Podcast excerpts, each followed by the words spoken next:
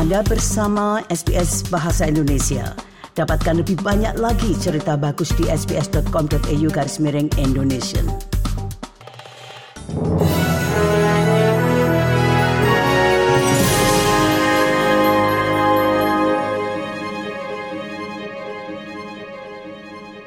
Berita selengkapnya. Penduduk negara-negara Pasifik pendengar dapat diizinkan untuk bergabung dengan Angkatan Bersenjata Australia sesuai proposal untuk meningkatkan jumlah anggota militer. Menteri Personil Pertahanan Matt Keogh mengatakan pemerintah sedang mempertimbangkan cara untuk mengembangkan Angkatan Bersenjata Australia di tengah masalah perekrutan. Salah satu pilihannya adalah dengan mengizinkan orang-orang dari luar negeri untuk ikut bergabung.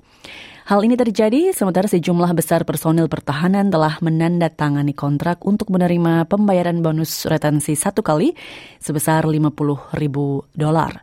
Sekitar 85 persen personil yang memenuhi syarat telah menerima pembayaran atas komitmen untuk tetap bertugas selama tiga tahun ke depan di Angkatan Bersenjata, menyusul masa tugas awal mereka.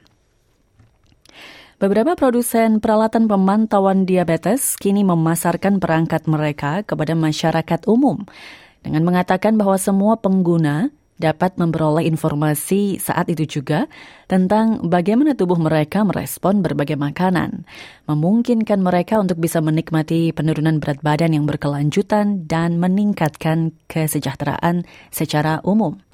Skema layanan diabetes nasional Australia pendengar mengatakan pemantauan glukosa berkelanjutan atau CGM ini memberikan lebih banyak informasi dibandingkan dengan pemantauan glukosa darah dengan pemeriksaan tusuk jari. Sarah Tan adalah General Manager Divisi Eropa yang memproduksi perangkat bernama Lingo. Lingo is designed for an audience who are looking to optimize their health and wellness in the same way that people invest in uh, gyms, personal trainers, and uh, nutritionists. The way it works is you have the biosensor on your arm, it transmits your glucose levels in real time to your smartphone, and then you get small tips and insights as to how you can make small changes to your everyday and create long lasting habits so that you can feel better, uh, have more energy, improved mood, Pemerintah Queensland pendengar bermitra dengan maskapai penerbangan Jetstar dan Qantas untuk menawarkan penerbangan berdiskon yang memberi insentif kepada warga Australia untuk melakukan perjalanan ke wilayah mereka. Queensland Utara kehilangan lebih dari 270 juta dolar dalam hal pemesanan uh, dari atau yang dilakukan oleh pengunjung menyusul terjadinya topan Jasper dan banjir besar, memberikan tekanan ekonomi pada tempat usaha yang biasanya berkembang pesat pada periode ini. Pemerintah Queensland direncanakan akan mengumumkan rincian paket pariwisata tersebut pada hari ini. Premier Queensland Stephen Miles menyampaikan kepada ABC News Breakfast bahwa Cairns kembali terbuka dan siap menjalankan bisnis. Cairns and much of the state's far north, it's business as usual. Businesses are open. Unfortunately, there's not the number of visitors here that we're used to. This is peak season, peak tourism season, and that's why our focus today, our announcement today, is on getting more visitors here to Cairns and the state's far north. Seorang penghuni panti jompo diduga dibangunkan oleh adanya penyusup dan mengalami pelecehan seksual di hari tahun baru. Wanita berusia 76 tahun itu sedang berada di kamarnya di fasilitas perawatan lansia di Coffs Harbour ketika seorang pria tak dikenal masuk dan menyerangnya beberapa saat sebelum pukul 2 lebih 30 menit. Sebelum polisi mengatakan pria tersebut melarikan diri dari tempat kejadian.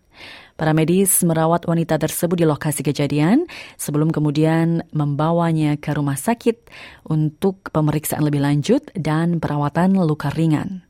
Komandan dari Sex Crime Squad untuk New South Wales, Detektif Superintendent Jane Doherty memberikan informasi tentang kondisi wanita tersebut dan proses penyelidikan yang dilakukan polisi. She's currently not in hospital but being cared for by family. The woman has asked for um, privacy at this time. Police in, from Coffs Clarence Police Area Command have been assisting this aged care home and others in the area throughout the week to conduct security assessments of their homes to ensure that residents can feel as safe as possible in light of this offence. Ia menambahkan, seorang pria berusia 29 tahun ditangkap di Coffs Harbour pada Kamis sore. Ia didakwa melakukan pelecehan seksual dengan tindakan masuk ke properti tanpa izin ini sebagai faktor yang memberatkan. Jika terbukti bersalah, ia terancam hukuman maksimal 20 tahun penjara.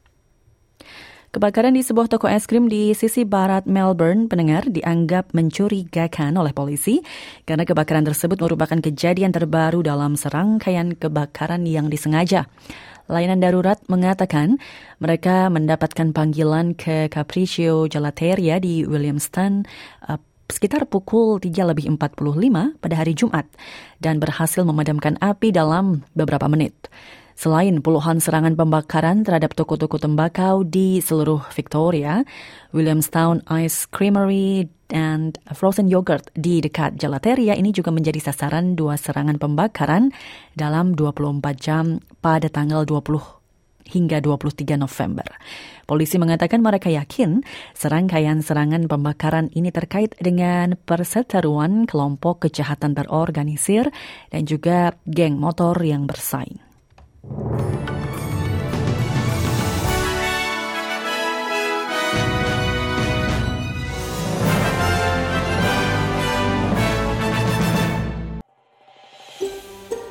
Anda ingin mendengar cerita-cerita seperti ini? Dengarkan di Apple Podcast, Google Podcast, Spotify, atau di mana pun Anda mendapatkan podcast Anda.